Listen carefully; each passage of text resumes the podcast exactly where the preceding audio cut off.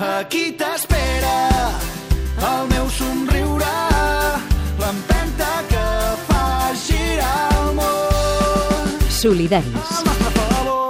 Idees que transformen. Idees i professions que transformen. Fins les 4 a Catalunya Ràdio. Amb Adrià Bas. Avui, la ciència visita els solidaris. Solidaris.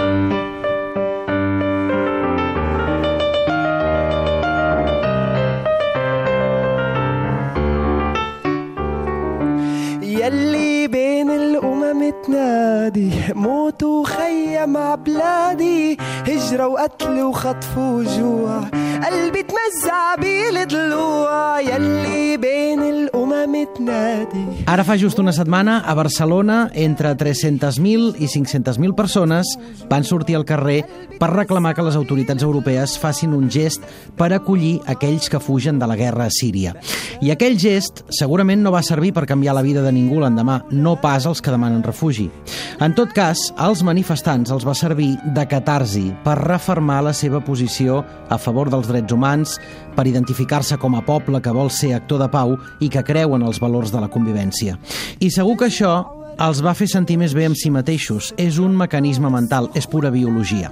La psiquiatria té molt estudiats els efectes de la solidaritat en el cervell humà.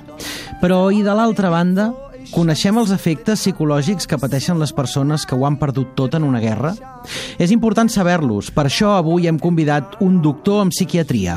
Treballa a l'Hospital de la Paz a Madrid. És expert en l'atenció de víctimes d'emergències humanitàries i és pèrit reconegut davant dels tribunals internacionals de drets humans. Doctor Pau Pérez Sales, què tal? Bona tarda. Bona tarda. Quant de temps trigaran a recuperar-se psicològicament les persones que fugen de Síria? Doncs les persones que fugen de Síria eh, han patit eh, situacions extremes, la majoria d'ells, amb els estudis que tenim fins a un 15-20% han patit situacions de tortura, o un 50 o un 60% han vist la seva casa destruïda amb bombardejos, etc. Quan un pateix l'impacte de situacions traumàtiques tan extremes com aquesta, parlem en molts casos de generacions. És a dir, la pròpia persona necessita anys per recuperar-se i això passa a les següents generacions. Generacions, eh? Quines són les conseqüències directes a nivell psicològic quan has de fugir amb el que portes a sobre, quan deixes enrere la casa, les arrels, la família, i a sobre, en el camí, en aquesta fugida, tens un tràngol rere l'altre? Bueno, eh, les conseqüències sobretot són a nivell de la teva posició amb el món, no? Eh, tu vius amb un projecte de vida, tens un eh, món construït en el qual hi ha unes certes seguretats i de cop i volta el món és un lloc en el que tot ho pots perdre en un moment, és un eh, lloc en el que a l'atzar decideix per tu i és el que condiciona la teva vida, en el que no et pots enfiar del reste de sers humans perquè no saps qui és un amic i qui és un enemic i per tant tens que eh, és sa o és eh, adaptatiu el ser desconfiat o el ser paranoic i, i al final et trobes en un entorn en el qual per adaptar-te tens que deformar-te a tu mateix i crear una identitat que és una identitat eh, que et permet sobreviure enmig del conflicte, no? Aleshores, donar la volta a això, tornar altra vegada a recuperar eh, els eixos bàsics d'una persona que es mou al món és molt complicat perquè necessites tindre experiències que et permetin recuperar aquest tipus de confiances, no? Per això, per exemple, eh, tenim estudis que ens diuen que, eh, parlem d'estudis en, en, en milers de refugiats, eh, que ens diuen que quan un mira el pes comparatiu de els fets traumàtics viscuts al país d'origen, el procés migratori i la situació al país d'acollida, la situació al país d'acollida és millor predictor de les conseqüències a llarg termini. És a dir, no tenir papers, no tenir treball, eh, que no et reconeguin el, el teu patiment, que des del punt de vista il·legal siguis perseguit, té conseqüències inclús més greus que el, el teu que el patiment que, Que el propi patit. fet que t'ha Exacte. fet marxar. Per què? Perquè estem apro eh, eh, aprofundint el, el, el dany aquest que, te, que us estic explicant, no? Mm. Perquè en lloc de poder trobar un entorn en el qual jo puc tornar a recuperar els eixos de confiança amb els demés, etc etc, el que tinc és una, un aprofundiment del dany en el país d'acollida. Llavors, a qui li correspon legítimament, no legalment, eh, legítimament, ser el, el reparador a les societats de rebuda, als governs? L'estat de, de, de, de rebuda per suposat un deure ètic, perquè tothom pot ser refugiat i perquè hi ha unes convencions internacionals uh -huh. i una solidaritat bàsica que impliquen a tothom. No? Per tant, aquesta mena d'agendes eh, polítiques en la que mesurem cada refugiat eh, són inacceptables i serien, des de impensables fa 50 anys. No? Ara estem transgredint moltes barreres ètiques que són impensables. I això afecta a tothom de la mateixa manera? Qui són les persones més vulnerables en aquest cas? Eh, és difícil dir-ho, perquè la vulnerabilitat o no depèn eh, molts cops de la primera infància que tu vas tenir, de fins quin punt vas aconseguir estabilitzar eh, unes eines bàsiques per enfrontar les situacions traumàtiques, i això depèn molt de la persona. Hi ha persones que diríem que són tremendament fràgils i després treuen fortalesa a les situacions més adverses i al revés. No? Sempre hi ha col·lectius, eh, per els menors no acompanyats, les persones discapacitades, etc etc que tenen, eh, diguem, més factors de vulnerabilitat, no? Uh -huh. Però hi ha un element de resistència individual del que encara no en sabem massa. Eh, vostè és expert en atenció psicosocial a víctimes d'emergències humanitàries. Què és el primer que caldria fer per atendre aquestes persones? Bueno, el, el primer és, és respectar els processos de cada persona. No? Molts cops eh, pensem que, eh, per definició, una persona que arriba en una situació d'aquestes és una persona que necessita d'atenció psicològica i hi ha una, a vegades una sobreactuació. No? Moltes vegades la persona només necessita un espai per poder explicar el que li passa i solucions pràctiques. Solucions pràctiques el que li passa. No? Menys psicòlegs i més, eh, més allotjament, més treball, més condicions dignes, més tal. No? I això, que és el que en diem un enfoc psicosocial, hi ha vegades que no n'és prou i hi ha un, un percentatge de gent, posem un 10%, un 15 o un 20, que necessiten un tipus de recolzament psicològic específic perquè no poden elaborar i amb aquesta gent és el té sentit fer programes d'intervenció psicològica. Però en realitat la majoria de la gent el que vol és coses pràctiques davant d'una situació desesperada en què ho han perdut tot i en què tenen que reconstruir un projecte de vida. Per tant, posi'm exemples de bones pràctiques en atenció a persones com les que estem parlant per mi una bona pràctica és que tu tinguis llibertat per poder decidir a quin país vas, tinguis llibertat per poder decidir què és el que vols fer en quan estudis, en quan... No? I això el que significa és que no et dirigeixin, que si tu has perdut tot eh, i d'alguna manera el que et queda és que la teva vida és, la decideix els de més, l'atzar, la guerra, etc, no vagis a un país en què també hi ha una altra gent que van vestits de funcionaris o d'ONGs, uh -huh, dona uh -huh, igual, uh -huh. que són els que decideixen per la teva vida. No? Llavors, autonomia, control, dignitat... Podem aventurar que el Canadà és on hi haurà menys conseqüències eh, psicològiques, on les persones que hi han anat a viure, tenint en compte que han obert eh, molt les fronteres per a persones que demanaven refugi, on aquestes persones millor es podran situar i millor podran recuperar-se? És complicat. O és massa aventurat? És massa aventurat, és massa aventurat. No, no tenim estudis i és massa aventurat. Mm. Eh, perquè, per exemple, Holanda és un país que sempre ha tingut una política molt oberta d'acollida de refugiats, però dintre d'això, per exemple, ha hagut èpoques en què eh, eh, la seva tendència ha sigut a agrupar els refugiats en determinats llocs, no? Amb altres ha, ten, la tendència ha sigut a dispersar-los pel país, no? I les conseqüències han sigut radicalment diferents amb una política que amb l'altra. Quan la gent està junta, crea xarxa, eh, hi ha recolzament dels uns amb els altres, etc. no? quan tu disperses, home, afavoreixes una certa integració, però la gent es sent molt més sola i té moltes més dificultats psicològiques. Eh, hi ha molts elements subtils i mm. no es pot generalitzar. El que viuen les persones refugiades es pot considerar tortura? Bueno, la tortura la, la perpetren els estats podríem dir que una situació és tortura si hi ha una intencionalitat amb, amb aquesta situació. És a dir, si jo tinc una persona o un grup de persones de manera intencional amb unes condicions inhumanes d'indignitat i, de, i de submissió, això podria qualificar-se com tortura. No? Haver bombardejat una ciutat com Alep i que ara estigui completament destruïda, ho és? Aquí entra en una situació diferent, que és si existeix en l'ordenament jurídic internacional el concepte de tortura col·lectiva. Uh -huh. Perquè llavors diríem, evidentment, que a Gaza, per exemple, seria un cas de tortura col·lectiva, Exacte. perquè tenim un milió dos-centes mil persones tancades en un camp de concentració. No? Mm. El que passa és que internacionalment hi ha altres delictes, el genocidi, etc, però no la tortura que es poden considerar col·lectivament. La tortura es fa sobre persones individuals i en aquest sentit un bombardeig eh, no seria una situació de tortura. El doctor Pau Pérez Sales acaba de publicar el llibre Tortura psicològica, definició, evaluació i medides, editat per Declé de Breuer, que sobretot està adreçat a professionals de la medicina, juristes, advocats i experts de medicina eh, que vulguin tenir dades científiques d'una pràctica que no només no desapareix, sinó que es perfecciona i que cada vegada és més subtil i més devastadora. I avui l'hem volgut convidar als solidaris precisament per fer un exercici d'empatia amb les víctimes, perquè entenguem les conseqüències psicològiques, les clíniques en molts casos, de les persones de qui tant hem estat parlant darrerament, els fugitius de guerra, els sol·licitants d'asil. Més que de mètodes, vostè parla d'entorns de tortura. Què vol dir? Parlem de tortura perquè molts cops el que eh, trenca una persona, la tortura des del punt de vista mèdic i psicològic la definim com el procés de trencar eh, la identitat d'una persona per aconseguir que faci coses afins al, al que vol aconseguir el perpetrador. Aquesta no? és la definició mèdica, diguem La definició mèdica que no és la legal, que és una altra, que si vol després en parlem. Uh -huh.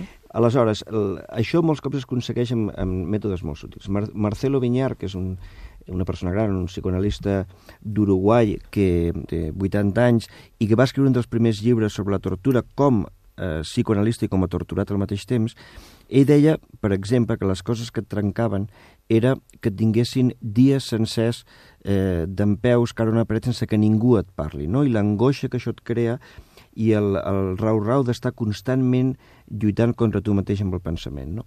El fet de que no et deixin al lavabo i de que tu estiguis lluitant contra tu per no fer-te les teves necessitats a sobre i per no perdre la dignitat, no? o la por que se't va ficant a dintre i que ja no t'abandona a tota la teva vida. No? Llavors, quan pensem en la tortura estem pensant moltes, molts cops eh, en la picana, amb, jo que sé, amb, amb, amb tota la parafernàlia de la tortura medieval o de la tortura latinoamericana dels 80. No?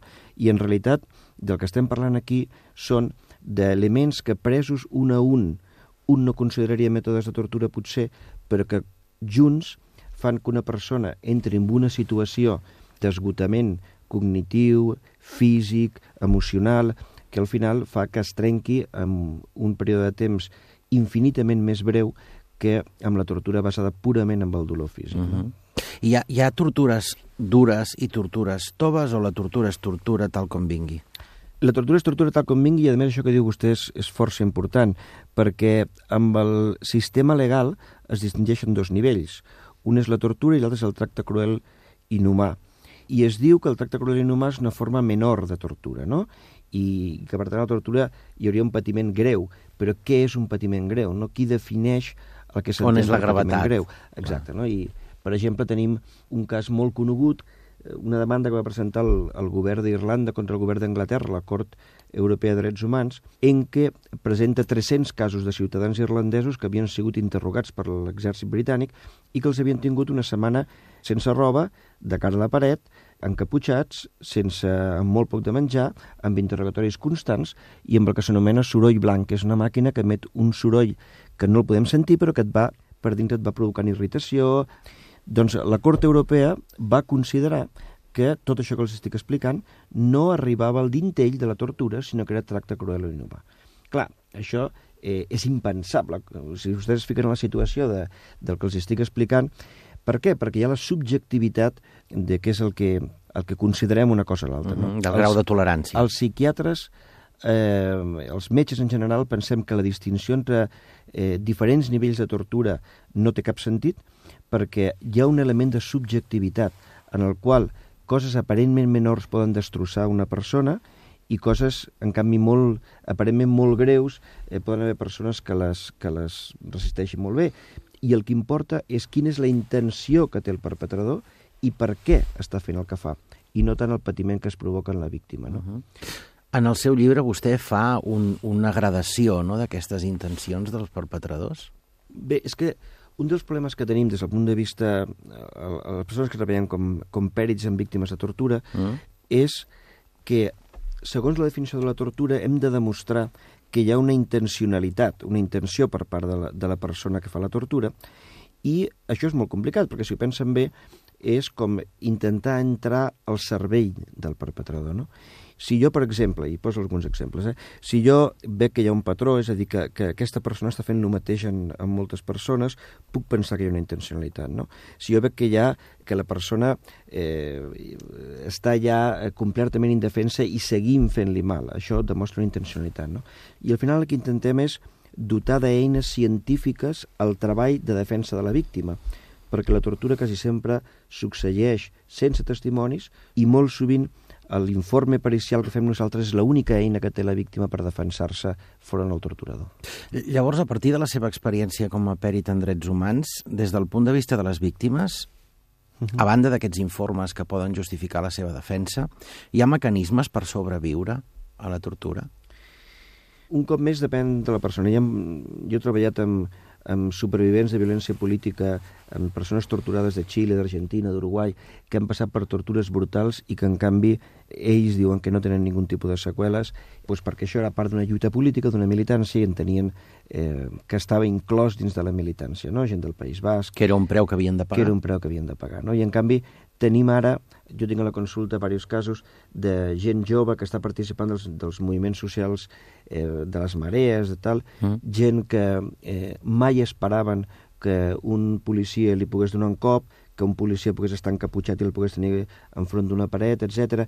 i que davant de situacions, com podria dir, comparativament menors, com passar una nit a comissaria, Mm. queden eh, impactats durant molt de temps i des de luego mai més tornen a participar en ningun tipus d'iniciativa social o política. No? No? Es fan enrere o tornen amb més força? Quan un, és a dir, el, el trauma de la tortura és brutal. Eh, gent que ha sigut torturada en tortures greus fa 15-20 anys segueixen dormint malament, segueixen tenint malsons, segueixen, eh, segons el que senten, el que veuen, reaccionant amb, amb alarma, i això el que fa és que tu evitis les situacions que tu puguin recordar. No? Generalment una persona que està eh, molt danyada per la tortura el que fa és abandonar tot tipus de militància. I existeix el butxí, el torturador penedit? Eh, existeix, existeix, clar que existeix, i, i tenim documentals eh, i tenim llibres de torturadors empenedits. Hi ha, És un penediment real? en alguns casos sí, eh, hi ha, per exemple, un llibre que es diu Jo fui torturador, a més, em sembla que està en català, Mm. a l'editorial Laia, de Hugo Rivas, que és un, un extorturador uruguaià, eh, hi han casos de, de gent que després recapacita i que... Però en la majoria de casos no és així. En la majoria de casos són penediments que tenen que veure amb lleis d'amnistia, amb indults i amb oportunisme polític. No? Uh -huh. Estem veient, per exemple, ara a Colòmbia, que hi ha la dita eh, llei de justícia i pau, Sí. en la qual es canvia eh, la veritat, entre cometes, per una condemna menor i com els paramilitars confessen davant de la televisió crims eh, suposadament empenedint-se. No? I el que es veu fora de càmera i quan es parla amb la gent, etc, és que és un empenediment fictici, que és una teatralització... Un vehicle per... És una teatralització per aconseguir un indult. No? Els torturadors han de participar en la reparació? Bé, eh, Aquell que ha estat butxí ha de formar part d'un procés de diàleg, d'un d'un encontre amb la, amb la víctima... Això és molt interessant.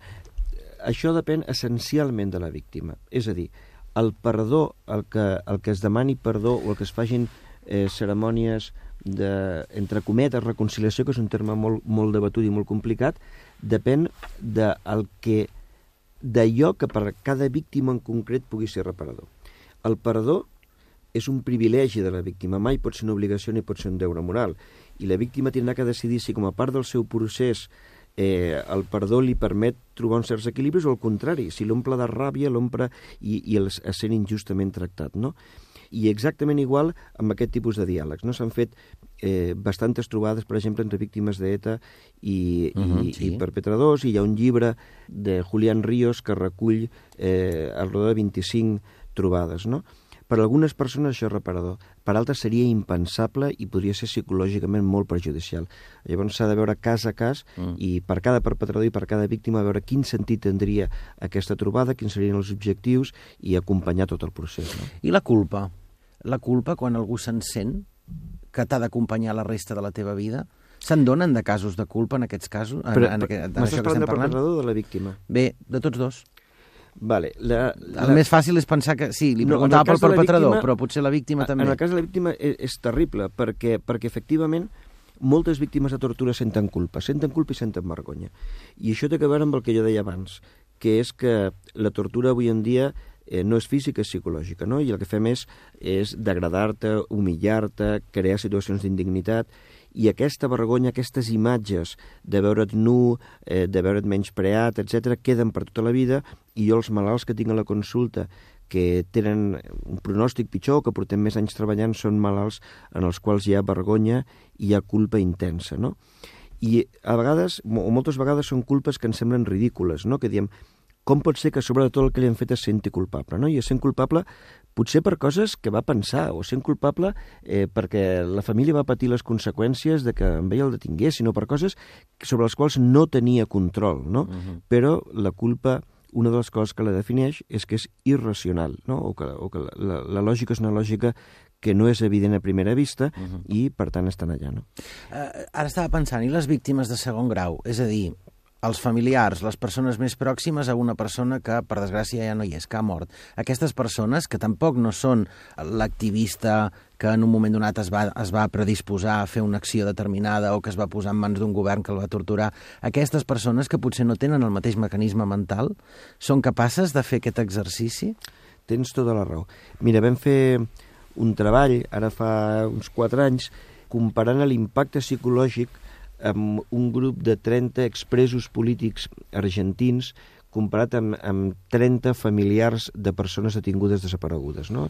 al, al nord d'Argentina, frontera amb Bolívia. Uh -huh. I el que trobàvem és que l'impacte psicològic era 10 cops superior amb els familiars de desapareguts. Per què?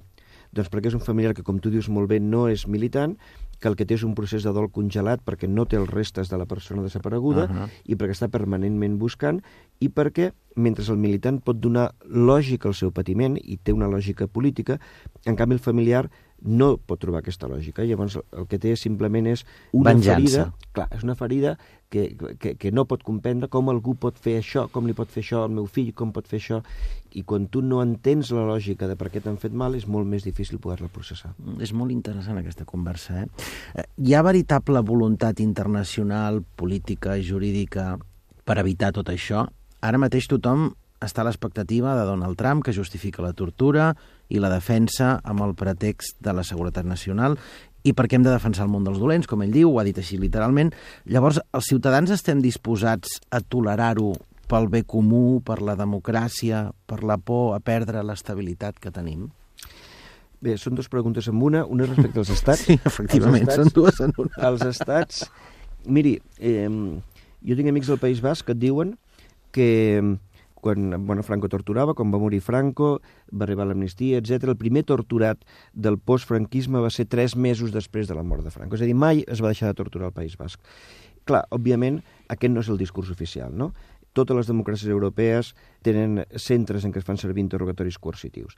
I això amb què té que veure? Té que veure amb una falsa creença de que la tortura és útil o de que permet obtenir informació valuosa. No? I aleshores, quan un polític sent que hi ha una amenaça a la seguretat o que la seguretat és electoralment important, aleshores qualsevol eina és vàlida, no? I, i el que fa és mirar cap a una altra banda i deixar que la gent que està per sota actui. Acaba de passar desapercebuda eh, en la seva resposta, però vostè acaba de dir que la tortura no és útil. No, no, claro que no, la tortura no és... Després en parlem d'això, deixi'm acabar això i després... Li, li deixo acabar, li deixo acabar. Bueno, aleshores, això vol dir que la gran majoria de països són signataris de la Convenció contra la Tortura, però per sota mà, per suposat que hi ha eh, interrogatoris coercitius a aquella tortura i l'estat espanyol no, no és lliure d'això, ni és lliure a França, ni a Alemanya, ni pràcticament ningú mm. país, no? Mm -hmm. Per tant, és un doble discurs. I simplement el que fa Donald Trump és enorgullir-se'n d'això, no? I, i, i exhibir-ho perquè dins de la seva estructura narcisista, dins la seva manera de funcionar, eh, anar contracorrent eh, li agrada i és sent protagonista, no? Però al fin i al cap l'únic que està fent és dir coses que inclús amb l'administració Obama succeïa. I eh, els Estats Units poden fer el que facin i fan coses horroroses, però, per exemple, tots els seus manuals d'intel·ligència, etc són públics, estan a pàgines web. Veuríem què passa amb Xina, per exemple, no? La tortura és brutal, jo tinc alguns casos de gent xinesa que és salvatge i on hi ha un obscurantisme absolut, no sabem què passa, no? Llavors, és fàcil criticar la gent que almenys parcialment, parcialment, és transparent, no?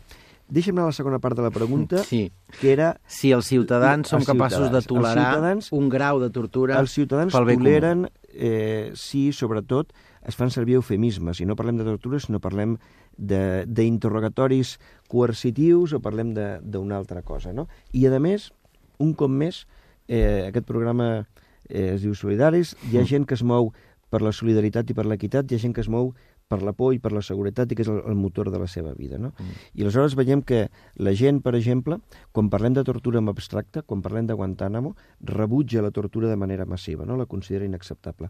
Quan estem parlant d'amenaces directes, estem parlant de gent, eh, diguem, amb radicalisme islàmic que la puc tenir aquí, mm. aleshores, bueno, tenim un dintell diferent, no?, perquè m'està afectant ara a mi. I aleshores, eh, a l'estat espanyol, per exemple, tenim enquestes que diuen que un 50, 55, 60% de la població recolzaria el fer servir tècniques fora de protocol, anomenem eufemísticament, amb persones que poguessin si, eh, suposar una amenaça terrorista. Per tant, un cop més hi ha una doble ètica segons si m'afecta a mi o no m'afecta a mi. Uh -huh. Respecte a que deia vostè, respecte a si la tortura serveix o no, miri, la tortura, agafant una persona individual, no serveix. Primer, no serveix perquè des del punt de vista biològic, si jo una, un cervell el sotmeto a l'estrès de no deixar-lo dormir, de donar-li malament de menjar, de tenir-lo constantment sotmès a la por, aquest cervell recorda malament, recorda de manera distorsionada, no té l'atenció adequada, no té la concentració adequada, per tant el que fa és uns errors... Construir una realitat clar, diferent. uns, uns errors d'apreciació molt importants. No? Uh -huh. A més, sabem hi ha models de simulació per ordinador d'interrogatoris, sabem que sota pressió i quan un està pensant més en salvar-se que no realment amb el dilema que li planteja l'altre, un fa males eleccions amb dinàmica de jocs, parlem. Estem parlant ara amb models matemàtics en dinàmica de jocs. No? I a part d'això, mai un torturador o una, un interrogador, parlem no? un interrogador per, per no fer servir un llenguatge tan catastròfic, sap realment el que sap l'altre. Per tant, hi ha un component que és, si vols tu, econòmic. Mm. Quanta gent innocent haig d'interrogar perquè hi hagi una persona que potser tingui una certa informació vàlida. No? Mm. I en aquest sentit, molts cops la tortura no, no s'empleia eh, des d'una perspectiva individual, sinó des, des d'una perspectiva col·lectiva. Col·lectiva. I el que fem és detinc un grup de gent perquè no sé massa bé per on investigar, els interrogo i trobo una sèrie d'informació que potser el 90% no val per res, però si hi ha un 10% que em val, doncs mira tot això que tinc per anar, per anar treballant. No? Uh -huh. I el que diu, per exemple, l'informe del Senat nord-americà de l'any 2015 sobre les tortures a Guantánamo, el que diu és tots els esforços que s'han fet seguint línies falses d'investigació derivades d'interrogatoris coercitius que li han costat una fortuna al país i que al final no han aportat res realment a la lluita antiterrorista, no, ja no èticament, eh? estem parlant econòmicament, no tenen ninguna justificació. Per tant, al final, la tortura té que veure més amb la sensació d'un polític de que està fent tot el que està en la seva mà i que amb ell no l'enxamparan per aquí, mm. i probablement amb eh, diguem, un cert nivell d'intervenció policial o, o d'intel·ligència que eh, no fa cas diguem, del que els veterans et diuen, que és que quan tu eh, fa servir la coerció, el que aconsegueix que una persona es tanqui en banda i que es dediqui només que a resistir, mm. i en lloc d'això no intentes establir uns ponts de col·laboració, uns ponts de diàleg, i intentar buscar la informació per unes vies en què l'altre senti eh, realment amb necessitat eh, diguem, de xerrar, de col·laborar, de tindre un diàleg constructiu. No? Mm -hmm. Doctor, em diuen que a vostè no li agraden les xarxes socials.